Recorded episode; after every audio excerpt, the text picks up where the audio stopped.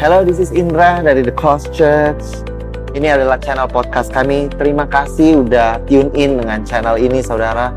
Kami berharap bahwa setiap message kami dapat membukakan lebih siapa Tuhan, saudara, dan Injil kasih karunia dan apa yang Yesus sudah lakukan di kayu salib kiranya membebaskan kehidupan saudara di dalam nama Yesus. Enjoy the message. God bless you. Sebelum saya khotbah, saya ingin berterima kasih karena di masa PPKM, saudara, di mana angka tertular COVID-19 di Indonesia by kemarin sekitar 38.124. Eh, mungkin hati kita gentar saudara ketika kita ingin keluar rumah dan saya encourage saudara untuk saudara stay di rumah. Tapi saya hari ini saya ingin berterima kasih secara khusus untuk orang-orang, untuk setiap minister, pelayan-pelayan di gereja yang mengambil resiko saudara. Demi melayani saudara semua. Demi terciptanya video ini saudara. Setiap minggu rutin saudara. Saya ingin terima kasih untuk WL hari ini, untuk Nia, dan untuk IJ, untuk Song Jao, untuk Edwin yang setiap minggu selalu pelayanan, untuk Gio. Mereka mengambil resiko untuk membuat video hari ini saudara. Untuk saudara.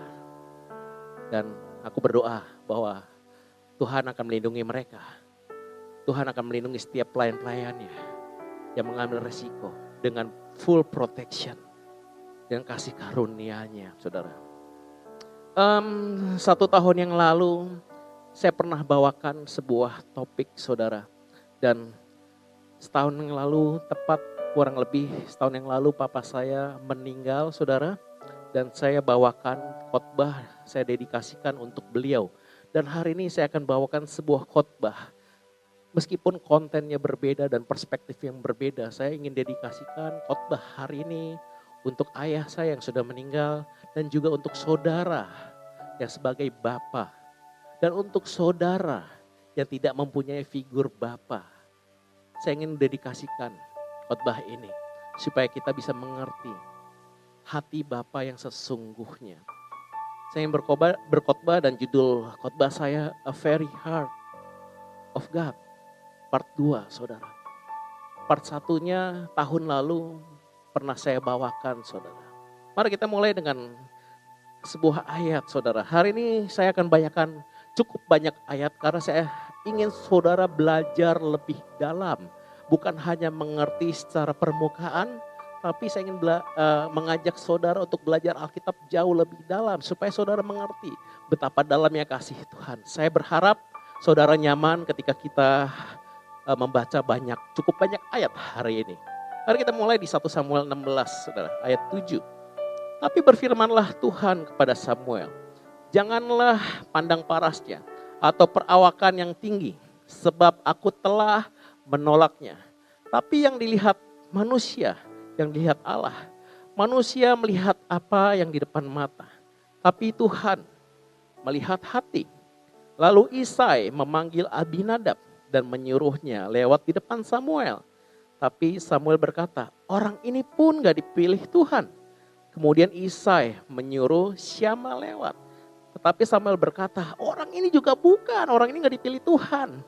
Demikianlah Isai menyuruh ketujuh anaknya lewat depan Samuel. Tapi Samuel berkata kepada Isai, semuanya ini tidak ada yang dipilih Tuhan. Lalu Samuel berkata kepada Isai, inikah anakmu semuanya? Jawabnya, masih tinggal yang bungsu tetapi sedang mengembalakan kambing domba. Kejadian ini diceritakan ketika Tuhan menyuruh Samuel untuk bertemu dengan anak-anak dari Isai. Dan Isai pun menyuruh anak-anaknya untuk mereka berdiri di depan Samuel. Ada tujuh, delapan, tujuh anak yang berdiri. Padahal Isai mempunyai delapan anak. Dan anak ke-delapan adalah Daud. Dan Daud gak masuk dalam hitungan bapaknya. Daud gak masuk hitungan ayahnya saudara. Dari kejadian ini kita tahu bahwa ayah dari Daud bukanlah ayah yang bijak, bukanlah ayah yang baik. Ayah dari Daud memilih berdasarkan rupa, saudara. Ayah Daud bukanlah ayah yang mengasihi anak-anaknya apa adanya. Ayah Daud memilih berdasarkan performance, berdasarkan bentuk badannya, saudara. Nah, saudara, hari ini peran Bapak sangat berpengaruh di dalam dunia, di dalam perkembangan kita, di dalam kedewasaan kita. Survei di Amerika tahun 2019 ada 70 persen, 71 persen anak eh, SMA atau high school mereka drop out. Dan dari semuanya ada 71 persen ternyata mereka lahir dari keluarga broken home. Mereka lahir tanpa figur seorang bapak yang baik. Dari seluruh kasus narkoba, ada 75 persen dari mereka, mereka narkoba karena mereka nggak mempunyai figur bapak yang baik. Dan 85 persen anak muda di dalam penjara di US, saudara. Mereka berada di dalam penjara, mereka melakukan kejahatan karena mereka nggak punya figur seorang bapak yang baik, saudara. Karena mereka nggak punya ayah atau mempunyai figur atau punya figur ayah yang rusak. Banyak orang-orang di dunia baru merasakan dikasihi ketika mereka melakukan performance yang baik. Bapak mereka melihat anaknya berdasarkan performance. Bapak mereka melihat anak-anaknya berdasarkan rupa saudara.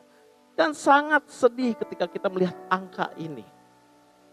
Angka yang dilahirkan karena mereka nggak punya figur seorang bapak. That's why, saudara, that's why. Ketika Yesus bicara tentang Tuhan di dalam perjanjian baru, Yesus mengajarkan Tuhan adalah pencipta. Yesus mengajarkan Tuhan adalah hakim. Tapi saudara, Yesus paling sering di dalam perjanjian baru mengajarkan para murid-murid yang mengajarkan kepada orang-orang bahwa Tuhan adalah Bapa. Ada 180 kali Yesus menyebutkan Tuhan sebagai Bapa, saudara. Bahkan di di, di dalam sebuah uh, ajaran Yesus yang paling terkenal doa yang Tuhan ajarkan. Kalimat pertama saudara adalah Bapa. Our Father. Dan Yesus sangat, sangat, sangat ser serius untuk untuk mengajarkan bahwa Tuhan kita, bahwa dirinya juga adalah seorang Bapa. Why? Betul Tuhan mau kita tahu Tuhan itu pencipta langit dan bumi. Betul Yesus mau kita tahu bahwa Tuhan itu adalah hakim, bahwa dia yang penyembuh, bahwa dia yang maha kuasa. Tapi yang paling Tuhan mau saudara, ada 180 kali itu arti sangat serius sekali. Kita, Tuhan mau menganggap, Tuhan mau kita menganggap Tuhan sebagai daddy, sebagai Bapak. Kita sering mendengarkan kata Bapak di dalam perjanjian baru. Tapi hanya sedikit sekali saudara kata Bapak, Tuhan sebagai Bapak di dalam perjanjian lama. Dan hari ini saya akan bawakan ada dua buah kisah saya akan bawakan secara paralel saudara. Bagaimana Tuhan adalah seorang Bapa yang begitu baik. Kita mulai di 2 Samuel 7, saudara. Ayat 2 Samuel 7, ayat 12 dimulai. Apabila umurmu sudah genap dan engkau telah mendapatkan perhentian bersama-sama dengan nenek moyangmu, maka aku akan membangkitkan keturunanmu yang kemudian anak kandungmu dan aku akan mengokohkan kerajaannya.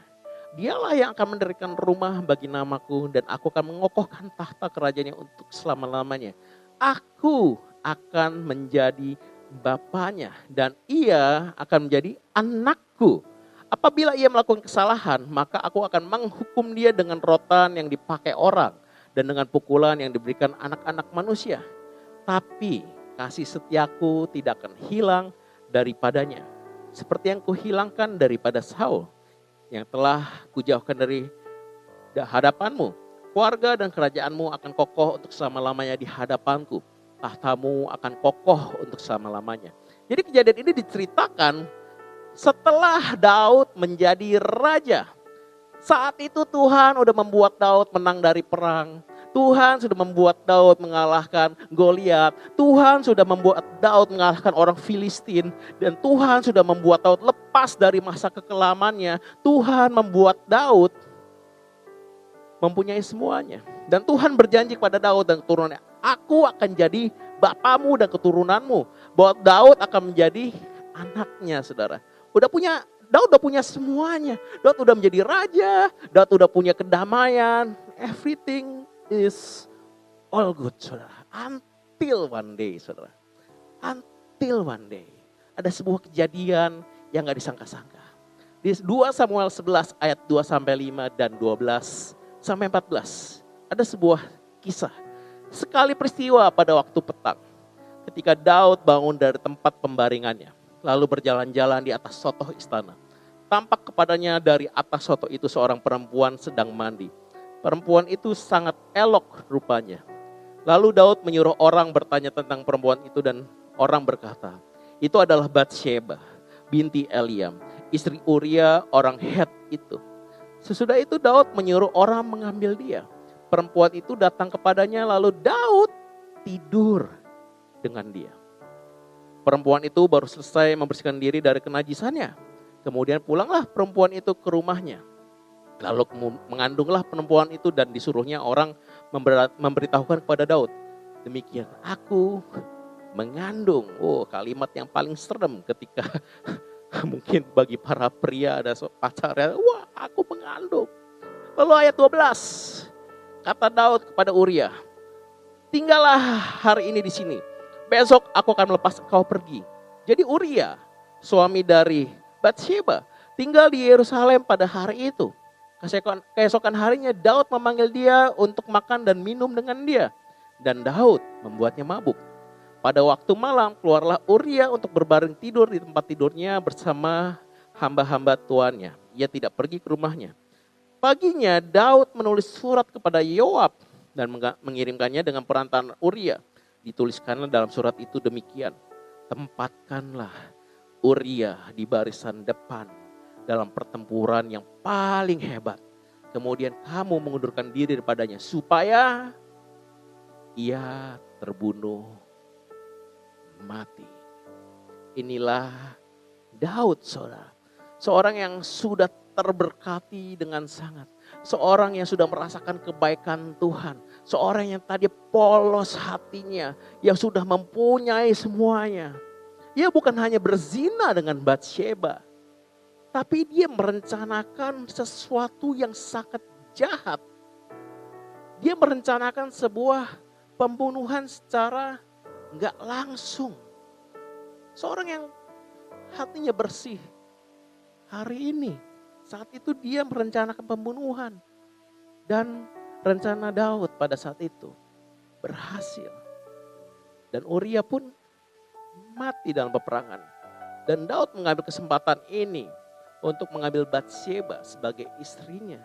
Sebuah perfect plan, saudara. Sebuah kalau saudara nonton uh, apa namanya film-film pencurian atau apa J filmnya apa ya Money has the perfect plan. Daud pinternya seperti itu ternyata sama seperti siapa yang profesor siapa? Ya itu lupa dia juga. Ya itulah kalau saudara nonton Money Heist, saudara. The perfect plan, saudara. Kita lihat betapa jahatnya Daud, saudara. Dari yang seorang hati yang bersih menjadi jahat, saudara. Saya lanjutkan, saudara. 2 Samuel 12 ayat 7 sampai 14. Kemudian berkatalah Nathan kepada Daud, Engkaulah orang itu, beginilah firman Tuhan Allah Israel. Aku yang udah mengurapi engkau menjadi raja Israel dan akulah yang melepaskan engkau dari tangan Saul. Telah kuberikan isi rumah tuanmu kepadamu dan istri-istri tuanmu ke dalam pangkuanmu Aku telah memberikan kepadamu kaum Israel dan Yehuda. Dan seandainya itu belum cukup, tentu ku tambah lagi Tuhan berkata demikian. Dan itu kepadamu, mengapa engkau menghina Tuhan dengan melakukan apa yang jahat di matanya? Uria orang Het itu, kau biarkan ditewaskan dengan pedang. Istrinya kau ambil menjadi istrimu. Dan dia sendiri telah kau biarkan dibunuh oleh orang pedang Bani Amon. Oleh sebab itu pedang tidak akan menyingkirkan dari keturunanmu sampai selamanya. Karena engkau telah menghina aku dan mengambil istri Uria, orang Het itu menjadi istrimu. Lalu berkatalah Daud kepada Nathan, aku sudah berdosa kepada Tuhan. Dan Nathan berkata kepada Daud, Tuhan telah menjauhkan dosamu itu. Garis bawah Tuhan telah menjauhkan dosamu itu dan engkau tidak akan mati. Next ayat berikutnya. Walaupun demikian, karena engkau dengan perbuatan ini telah sangat menista Tuhan, pastilah anak yang lahir bagimu itu akan mati. Kemudian pergilah Nathan ke rumahnya dan Tuhan menulahi anak yang dilahirkan bekas istri Uria bagi Daud sehingga sakit. Dan anak itu mati. Lalu Tuhan berkata lewat Nathan, perfect plan yang dibuat Daud yang so, tidak banyak orang yang tahu. Bahkan Batseba juga nggak tahu. Tuhan lihat dosa Daud. Tuhan membuat sebuah konsekuensi bahwa anak dari Daud ini mati. Kita seakan-akan melihat bahwa kok Tuhan kejam. Padahal Daud yang berbuat dosa. Mengapa anak ini mati? Tapi saudara tahu saudara, dalam hukum Taurat apa yang dilakukan oleh Daud hukumannya adalah mati saudara. Daud yang seharusnya mati Daud yang seharusnya dihukum oleh bangsa itu karena dia sudah melakukan hal yang sangat jahat, saudara. Daud seharusnya mati, saudara. Ada satu karakter yang mirip yang Yesus jadikan perumpamaan di dalam perjanjian baru. Kita lompat sebentar, saudara. Ke sebuah kejadian, saudara. Di Lukas 15 ayat 11 sampai 23. Yesus berkata lagi, ada seorang mempunyai dua anak laki-laki. Uh, saya senang cerita prodigal son ini anak yang hilang. Karena perumpamaan yang Yesus berikan ini begitu kaya, begitu banyak perspektif yang kita bisa gali, saudara. Kata yang bungsu kepada ayahnya, Bapak berikanlah kepadaku bagian harta milik kita yang menjadi hakku. Lalu ayahnya membagi-bagikan harta kekayaan itu di antara mereka. Berapa hari kemudian anak bungsu itu menjual suruh bagiannya lalu pergi ke negeri yang jauh. Di sana ia memboroskan harta miliknya dengan hidup berfoya-foya. Mulailah mereka bersukaria. Ada saya ada satu hal, Mbak, yang saya saudari, saud, uh, sadari, saudara. Sang bapak adalah orang yang sangat kaya. Anak bungsu ini punya bapak yang sangat kaya. Dia mempunyai harta yang begitu banyak. Seharusnya, saudara. Slide-nya boleh ditutup. Seharusnya, saudara Si bungsu ini, anak bungsu ini mempunyai kehidupan yang sudah sangat berkelebihan. Dia punya semuanya. Dia mempunyai kehidupan yang aman. Dia mem, kalau dia minta segala sesuatu kepada bapaknya, bapaknya pasti berikan. Sama seperti Daud tadi. Daud udah punya semuanya. Daud udah punya jadi raja, Daud mengalahkan uh, orang Filistin. Sama seperti anak bungsu ini. Anak bungsu ini udah punya semuanya tanpa warisan pun. Dia hidup di dalam bersama dengan bapaknya. Di rumahnya dan semua yang bapaknya punya adalah miliknya juga. Tapi dia melakukan apa yang gak pantas saudara. Dia ingin lepas, anak bungsu ini ingin lepas dari bapaknya. Dia tanda kutip, ia ingin memberontak secara tidak langsung. Dia berharap bapaknya mati. Supaya apa? Warisannya didapatkan semua. Tapi bapak ini begitu baik. Dia berikan warisannya ketika dia masih hidup, saudara. Apa yang paling berharga dia berikan ke anak bungsu ini? Tahukah saudara, apa hukuman bagi anak yang memberontak dengan orang tua pada hukum Taurat? Di ulangan 21, saya nggak usah baca, saya nggak usah bacakan ayat ini. Hukumannya adalah satu kota harus melempari dia dengan batu. Jadi ketika uh, uh, orang tuanya mengadu ke, ke kepala kotanya, maka anak yang uh, anak yang memberontak ini akan dibawa di tengah kota dan satu kota akan menimpukinya dengan batu, saudara. Ada dua karakter ini, saudara. Daud dan anak bungsu. Daud harusnya mendapatkan hukuman mati. anak bungsu ini harusnya juga mati, saudara. Ditimpuk batu. Anak bungsu ini harus mendapatkan hukuman yang hukuman mati, saudara. Tapi Tuhan gak mau Daud mati, saudara. Tuhan begitu mengasihi Daud. Seakan-akan Tuhan berkata, Daud ini anakku. Aku gak mau dia mati. Sama seperti anak bungsu ini, saudara. Bapak ini begitu mengasihi anak bungsu ini. Dia nggak mau anaknya mati. Tapi harus ada yang dikorbankan, saudara. Harus ada yang dikorbankan untuk menggantikan hidup mereka. Ada yang harus menggantikan mereka untuk mati. Kita kembali ke Daud di 2 Samuel 12 ayat 14 sampai 15. Walaupun demikian, karena engkau telah berbuat, uh, engkau dengan perbuatan itu telah sangat menista Tuhan. Pastilah anak yang lahir bagimu itu akan mati. Tuhan milih ah, anak Daud. Dia buat anak ini mati. Supaya Daud hidup. Anak yang tidak berdosa ini harus mati. Anak manusia yang gak berdosa ini harus mati. Untuk menggantikan Daud hidup dan anak bungsu anak bungsu di di para uh, di parabel prodigal son, di anak yang hilang. Ada yang menggantikan anak ini, Saudara. Dilihatlah di Lukas 15 ayat 20 sampai 24. Kita langsung ke ayat uh, kita bacakan aja semuanya. Ayat 20, maka bangkitlah ia dan pergi kepada bapaknya. Ketika ia masih jauh, ayahnya telah melihatnya, lalu tergeraklah hatinya oleh belas kasihan Ayah itu berlari mendapatkan dia, lalu merangkul dan mencium dia. Kata anak itu kepadanya, Bapak, aku telah berdosa terhadap surga dan terhadap Bapak. Aku nggak layak lagi disebut anak Bapak. Tapi ayah itu berkata kepada hamba-hambanya, lekaslah, bawa kemari jubah yang terbaik. Pakaikanlah itu kepadanya dan kenakanlah cincin pada jarinya dan sepatu pada kakinya. Dan garis bawah ya, ambillah anak lembu tambun itu, sembelihlah dia dan marilah kita makan dan bersuka cita. Sebab anakku ini telah mati dan menjadi hidup kembali. Ia telah hilang dan didapat kembali. Perumahan yang Yesus pakai ketika anak pulang ini. Bapaknya menyembelih anak lembu tambun.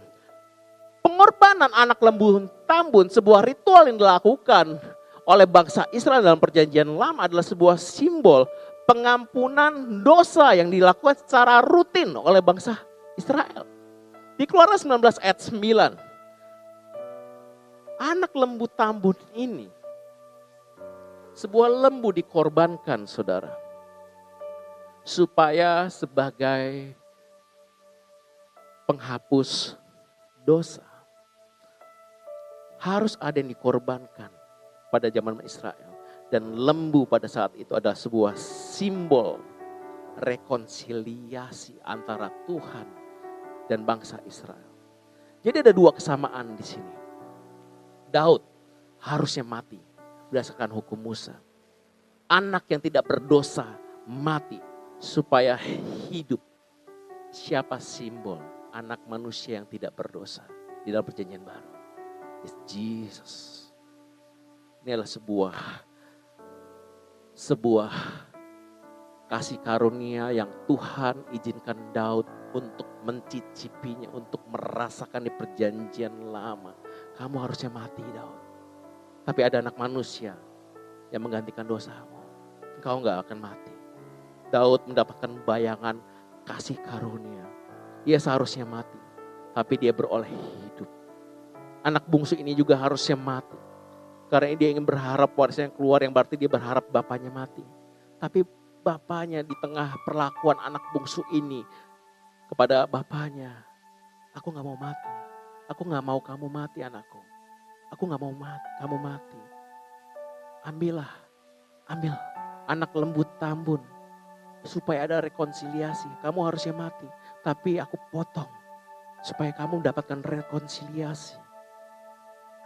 Siapa yang menjadi rekonsiliasi antara kita, diri kita dengan Bapa? Yesus. Di 2 Korintus 5 ayat 18. Boleh tampilkan ayatnya?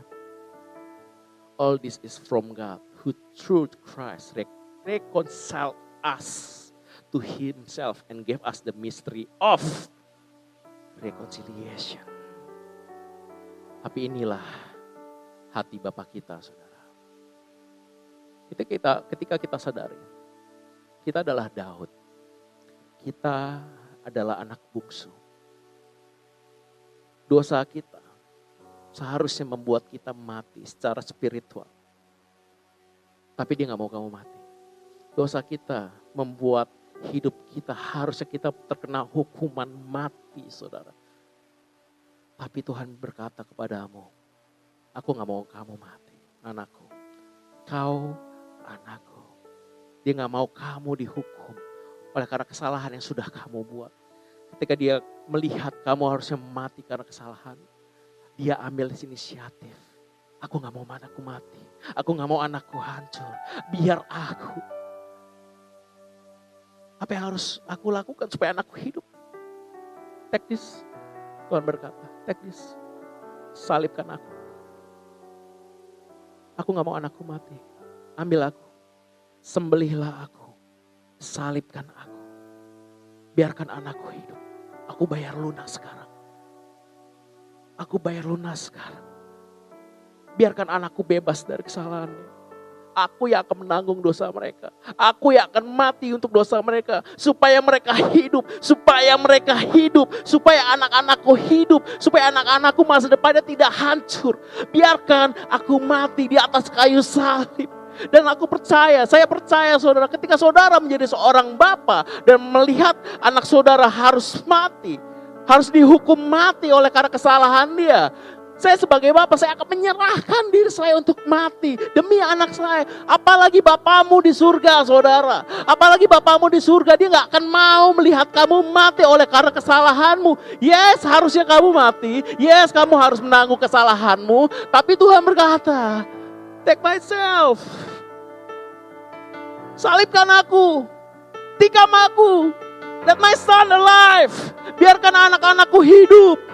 Biarkan anak-anakku masa depannya tidak hancur. Yohanes 3 ayat 16. Karena begitu besar kasih Allah akan dunia ini. Sehingga ia telah mengaruniakan anaknya yang tunggal. Supaya setiap orang yang percaya kepadanya tidak binasa. Melainkan beroleh hidup yang kekal. Inilah hati Bapak kita saudara a father who willing to die so we can live. Bapak yang rela mati supaya kamu hidup. Supaya kesalahanmu dihapuskan. Supaya kesalahanmu ditanggung olehnya. Dialah Bapak yang baik. Yang rela mati untuk kamu. Untuk saudara dia sudah tidak memperhitungkan dosamu lagi. Karena dia sudah mengorbankan dirinya di atas kayu salib. Demi engkau, saudara. Kita lanjut, saudara. Di 2 Samuel 12 ayat 24 sampai 25. Kemudian Daud menghibur hati Batsheba, istrinya. Ia menghampiri perempuan itu dan tidur dengan dia. Dan perempuan itu melahirkan seorang anak laki-laki. Lalu Daud memberi nama Salomo pada anak itu. Tuhan mengasihi anak ini. Dan dengan perantaran Nabi Nathan, ia menyuruh menamakan anak itu Yedija oleh karena Tuhan atau Jedediah dalam bahasa Inggrisnya. Daud menyebabkan anak pertamanya mati. Dosa Daud menyebabkan kesedihan. Dosa Daud menyebabkan kehancuran. Tapi lihat apa yang dilakukan Tuhan. Tuhan gak lagi melihat kegagalan Daud.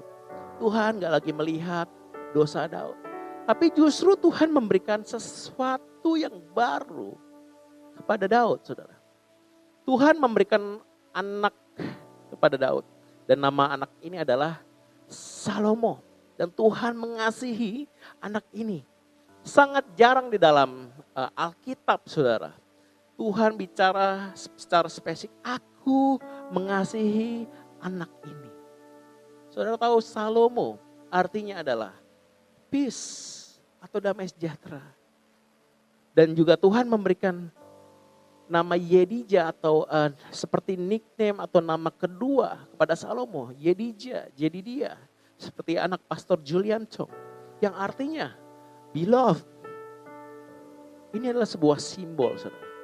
Siapa yang di dalam perjanjian baru yang mempunyai arti a king, uh, sorry, the prince of peace is Jesus. Dan siapa di perjanjian baru yang disebutkan bahwa Tuhan mengasihi spesifik orang ini. Di Matius 3 ayat 17. Lalu terdengarlah suara dari surga yang mengatakan, inilah anakku yang kukasihi. Jadi dia, beloved. Kepadanya lah aku berkenan. Tuhan memberikan Salomo kepada Daud. Dan kerajaan Salomo inilah muncul keturunan-keturunan yang akhirnya melahirkan Yesus. Saudara, sebagai keturunannya. Dan Tuhan berjanji lewat Salomo. Kerajaannya nggak akan habis, nggak akan hancur. Kerajaan tidak akan mati, kerajaannya akan kokoh selamanya, saudara. Lalu di perumahan anak yang hilang. Lukas 15 ayat 22. Tetapi ayah itu berkata kepada hamba-hambanya, lekaslah. Garis bawahi saudara kata, lekaslah, bawa kemari jubah yang terbaik, lekaslah saudara. Kenakanlah cincin pada jarinya dan sepatu pada kakinya saudara. Ketika anak ini pulang dan bertobat saudara, bapaknya lari mendapatkan dia secara buru-buru dan menciumnya. Kata pertama saudara, kata pertama yang bapaknya ucapkan adalah lekaslah. Mengapa bapaknya berkata, lekaslah. Ada alasan mengapa bapaknya menyuruh hambanya cepat-cepat ngambilin jubah, cincin, dan sepatu, saudara. Kenapa? Karena berdasarkan hukum Taurat, saudara. Ketika orang kotanya atau orang di desanya melihat anak ini pulang, sebuah peraturan di dalam hukum Taurat mengharuskan satu kota ini harus menimpuk dengan batu, saudara. Di ulangan 21 ayat 21 maka semua haruslah semua orang yang sekotanya melempari anak itu dengan batu sehingga ia mati. That's why saya baru mengerti saudara. Mengapa bapaknya be quick, lekaslah. Dia menyuruh hamba-hambanya buru-buru ngambilin jubah dan lain-lain tersebut. Karena sudah sebuah nature saudara. Sampai hari ini juga kita bisa melihat. Ketika orang lain terbiasa cepat untuk menghakimi saudara. Ketika kita salah, orang lain cepat untuk menghakimi. Kita ketika melihat ada sebuah uh, seorang pelayan gereja di mereka uh, melihat orang ini mungkin melakukan dosa secara terus menerus dan respon kita biasanya adalah kita cepat untuk menghakimi. Itu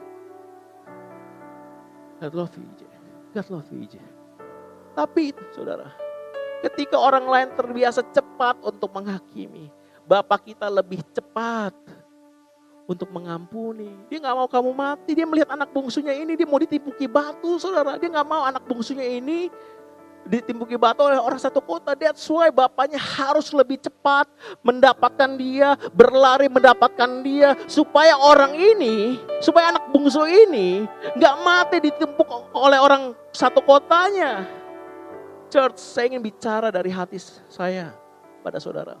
Ketika ada teman saudara, Ketika ada teman gereja atau teman kantor atau pemimpin saudara, teman komsel saudara yang mungkin melakukan kesalahan yang fatal atau terus menerus, yang orang kok nggak tobat-tobat. Ingat saudara, Tuhan kita itu lebih cepat mengampuni. Tapi kita mempunyai nature, kita lebih cepat menghakimi.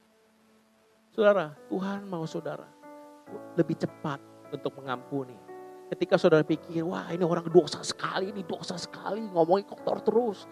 Hei, Tuhan mau kita supaya kita cepat mengampuni orang ini. Maksudnya orang-orang yang dihakimi saudara. Tuhan lebih cepat untuk mengampuni. Saudara. Dan bapaknya saudara memberikan tiga hal tadi. Ada jubah, cincin, dan sepatu. Atau dalam bahasa Inggrisnya lebih tepatnya sendal saudara. Jubah melambangkan righteousness, saudara. Kebenaran. Bahwa anak ini udah menjadi benar. Maka nggak ada satu orang-orang Nggak ada orang-orang di dalam kota itu bisa menghakiminya ketika dia sudah mem memakai sebuah jubah. That's why bapaknya cepat-cepat pakaikan jubah yang terbaik. Supaya apa? Dia nggak lagi berdosa. Dosanya sudah diampuni. Yang kedua saudara, cincin melambangkan otoritas atau identitas. Sama seperti saudara ketika saudara sudah menikah, saudara. Istri saudara atau suami saudara akan memakai cincin supaya orang lain tahu, oh ini orang ini udah menikah. Jadi gak, gak dia sudah taken saudara, udah gak ada kesempatan lagi bagi orang lain. Saudara lihat tangan saya gak ada cincin, just kidding saudara. Saya cincinnya kekecilan saudara. Cincin melambangkan saudara sudah mempunyai suami dan cincin juga melambangkan anak bungsu ini adalah milik kepunyaan bapaknya. Sepatu atau sandal. Pada zaman dulu para hamba atau budak nggak boleh mengenakan sendal di dalam rumah tuanya. Dan sendal ini melambangkan saudara kepada anak bungsu ini kamu ini adalah anak, kamu layak untuk masuk ke rumahku pakai sendalmu karena kamu bukan hamba, kamu adalah Tuhan. Perhatikan saudara di Lukas 15 ayat 18 sampai 19 ketika anak bungsu ini berpikir untuk bertobat. Aku akan bangkit dan pergi kepada bapakku dan berkata kepadanya, Bapak aku telah berdosa terhadap surga dan terhadap Bapak. Dan aku nggak lagi disebutkan anak Bapa. Jadikan aku sebagai seorang upahan Bapa. Yang diturunin dulu slide show-nya, aku telah berdosa. Tapi Tuhan berikan jubah. Kamu gak lagi berdosa. Aku gak layak lagi disebutkan anak Bapa. Tuhan berikan, Bapak ini berikan cincin. Kamu tetap Bapak, eh kamu tetap anakku. Kamu punya cincin ini, kamu anakku. Kamu masih layak jadi anakku. Dan anak ini meminta, aku jadi upahan Bapak aja, aku jadi hamba aja, aku jadi budak aja. Tuhan gak mau, Bapak ini gak mau. Makanya Tuhan, Bapak ini memberikan sendal kamu. Aku gak mau kamu jadi hamba, aku tetap mau kamu menjadi anak pakai sendal ini. Ketika anak ini berkata, aku berdosa Tuhan. Tuhan berkata, no, no, I give you righteousness. Aku berikanmu jubah kebenaran. I give you a robe. Aku berikan kamu jubah. Aku berikan kau kebenaran.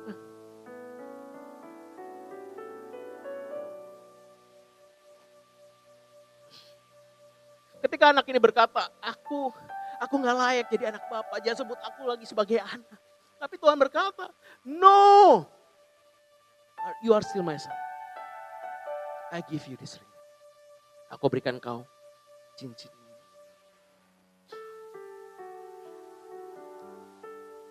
Cincin ini menandakan kamu anakku. Selamanya kamu anakku.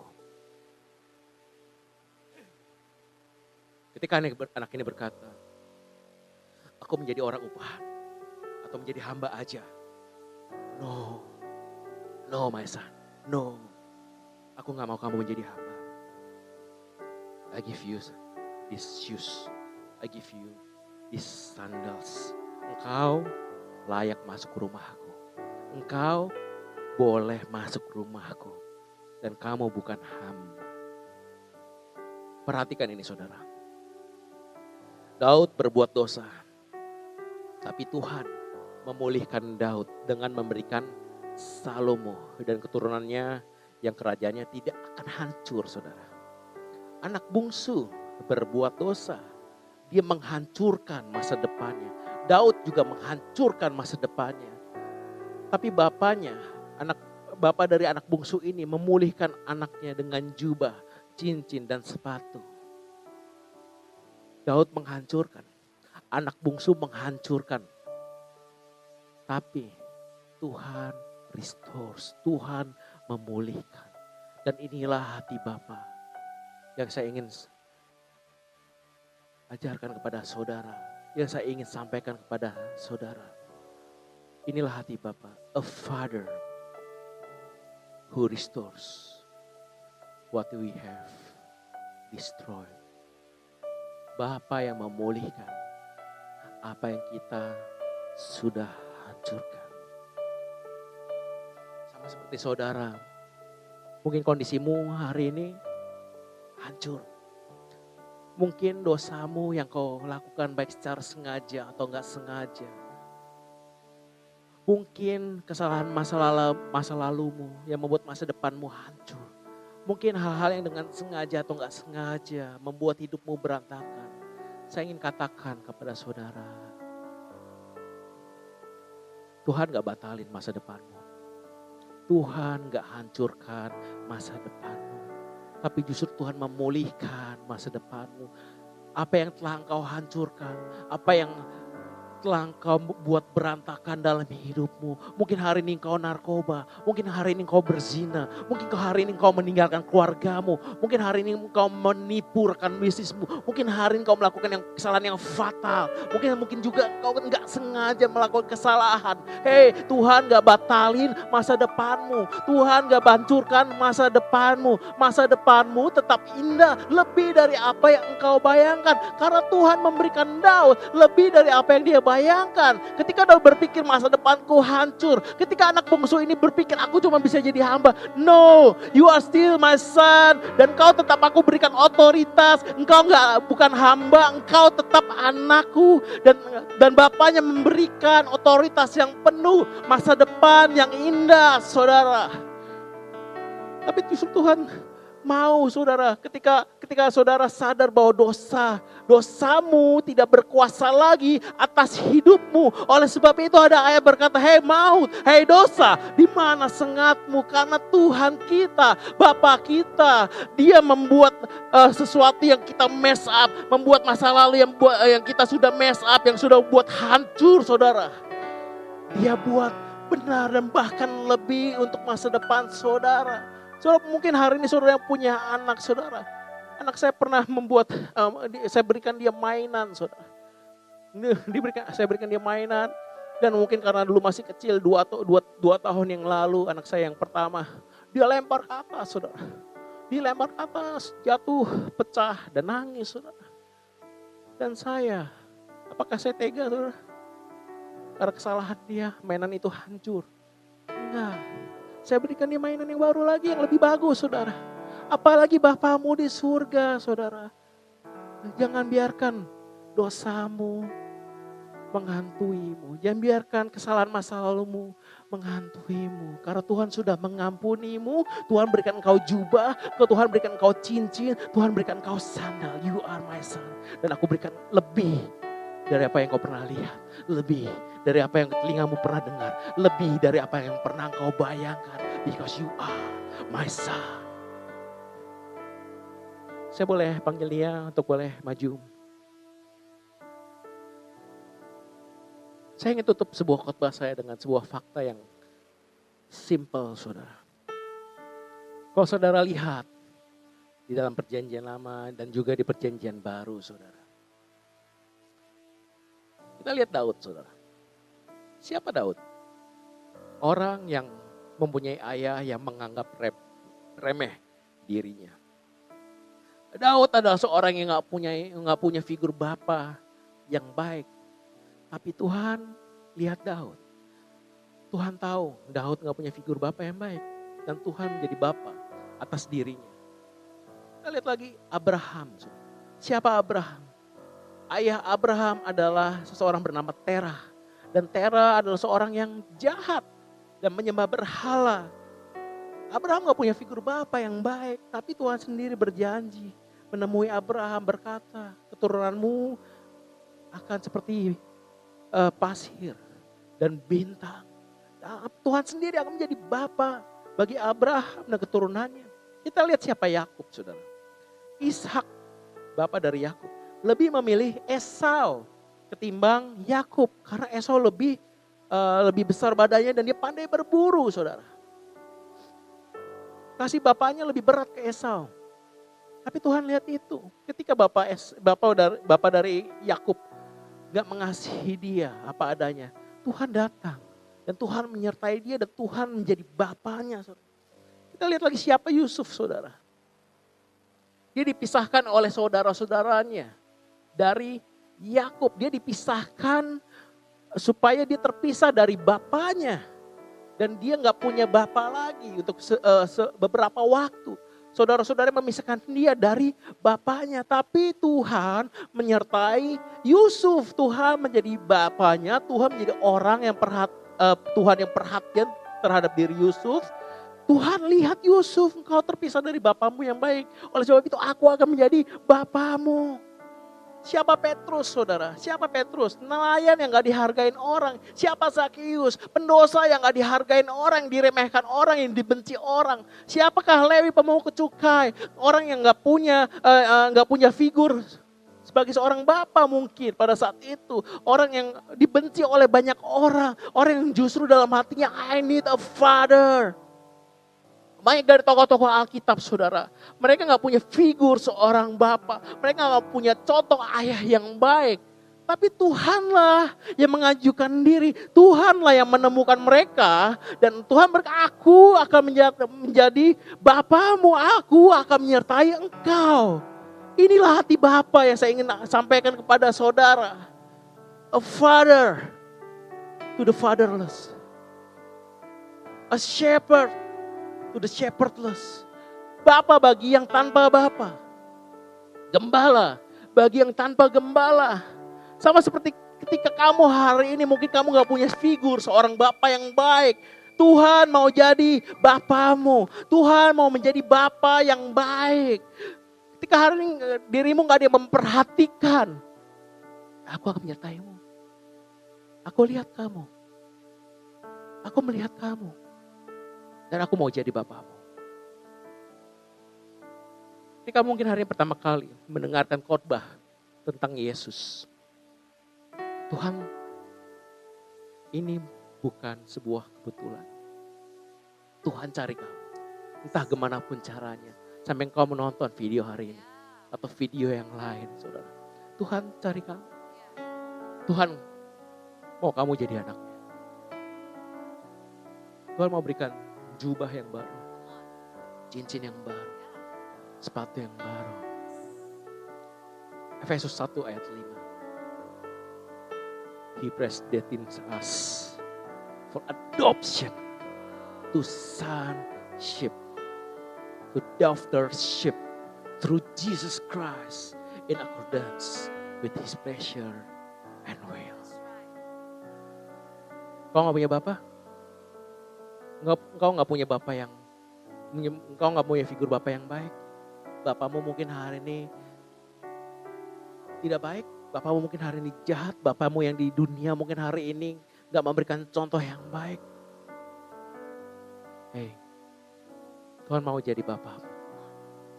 Tuhan adopsi kamu jadi anaknya. Dua atau tiga bulan lalu saudara. Uh, saat itu saya ada uh, mempunyai masalah, bukan masalah yang berat saudara. Saya uh, terbiasa untuk membawa masalah saya saudara kepada kepada Tuhan di dalam penyembahan saya saudara. Tapi pada saat itu saya ingat benar saudara uh, sore hari harusnya saya mau uh, mengadu, saya mau membawa masalah saya. Tapi entah mengapa saudara pada hari itu Tuhan tempatkan ada satu hal dan satu hal ini membuat saya uh, menangis, satu hal ini membuat saya uh, teriak kepada Tuhan, saudara. Saya saya nggak tahu maksud Tuhan apa karena ini cukup membingungkan saya, tapi saya percaya bahwa Tuhan ingin melakukan sesuatu. Satu hal ini adalah, satu kata ini adalah revival, saudara. Revival di Indonesia.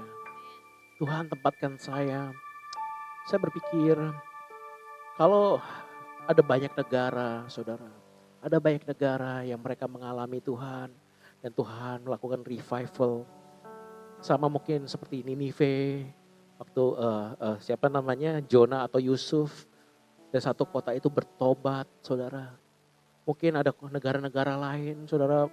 Uh, saudara mendengar banyak berita uh, terjadi revival, saudara. Di Korea mungkin berapa tahun yang lalu ada kegerakan karismatik saudara.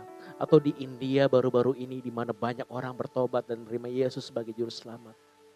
Dan seakan-akan Tuhan menempatkan di hati saya.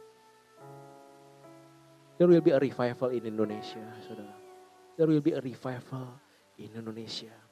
Ketika Tuhan menjadi Bapak kita di mana kita uh, sebelumnya kita fatherless, saudara. Hey, banyak orang di Indonesia, saudara. They are fatherless juga, saudara. Banyak figur-figur Bapak di Indonesia, mereka mereka tidak mempunyai sebuah figur yang baik, saudara. Mereka melihat pernikahan yang hancur. Mereka melihat papanya mungkin memakai narkoba. Mereka melihat uh, papanya tidak mengenal Tuhan. Saya ingin share dari hati saya saudara untuk saudara. Kau bisa menjadi bapak mereka. Ketika engkau sudah menerima Tuhan sebagai bapamu. Tuhan mau pakai engkau to, be, to become their father. Orang Indonesia butuh saudara. Negeri ini butuh saudara. Banyak orang butuh Yesus dan peran saudara hari ini. Saudara bawa mereka ke Tuhan. Saya nggak tahu hari ini saya nggak mau preaching, just saya nggak merencanakan saya ingin ngomong ini saudara. Tapi banyak orang Indonesia butuh saudara, butuh Yesus saudara. Entah mungkin saudara share video ini, video-video di, di The Coast Indonesia. Atau entah bagaimana saudara. Hey, there will be something happen in Indonesia. Akan ada sesuatu pemulihan yang terjadi secara besar-besaran. Akan ada revival di Indonesia. Mari berpegangan tangan saudara. Mari berpegangan tangan for Indonesia di tengah masa pandemi ini. Mari kita tidak cepat menghakimi orang-orang yang mungkin kurang bijak saudara. Ketika kita, kita melihat ada orang yang oh nggak percaya corona, kita bahkan sebagai anak Tuhan, waduh ini orang kok Bodoh banget kok orang ini begini, hey. Indonesia need grace, saudara. Indonesia butuh kasih karunia. Orang-orang gak mengenal Tuhan, mereka butuh kasih karunia. Mari jangan cepat menghakimi. Mari jangan cepat menghakimi karena Tuhan sayang bangsa ini, saudara.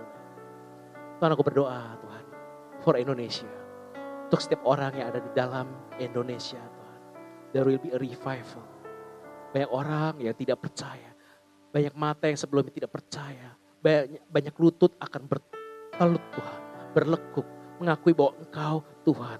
Akan banyak mulut mengakui bahwa engkaulah Tuhan. Dan mereka akan mengasih, merasakan kasihmu yang dalam. Dan aku berdoa untuk setiap daripada kami anak-anakmu Tuhan. Aku berdoa jangan biarkan api yang dalam diri kami mati Tuhan. Kau korban Kobarkan Tuhan api yang baru, kau berikan api yang baru, roh yang baru, a new anointing, urapan yang baru Tuhan. Aku berdoa Tuhan, biar kami makan lebih banyak kasih karuniamu. Biar kami makan lebih banyak firmanmu di tengah masa yang sulit ini Tuhan. In the name of Jesus I pray.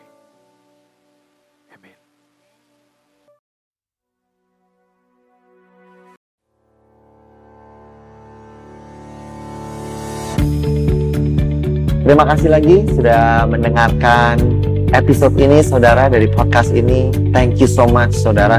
Saya berharap bahwa Injil kasih karunia dan apa yang Yesus sudah lakukan bisa membebaskan kehidupanmu saudara. Kalau saudara diberkati, saya mengundang saudara untuk share saudara um, sermon ini baik secara pribadi pada your friends and your family saudara atau you can screenshot dan kau bisa bagikan kepada sosial media saudara dan jadilah terang saudara. I hope um, message ini melalui saudara bisa memberkati lebih banyak orang lagi. Dan kalau saudara diberkati, saya mengundang saudara untuk subscribe kepada channel podcast ini. Again, I want to thank you.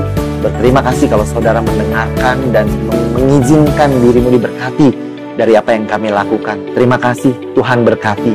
God bless you and bless you and bless you again. In Jesus' name. Amen.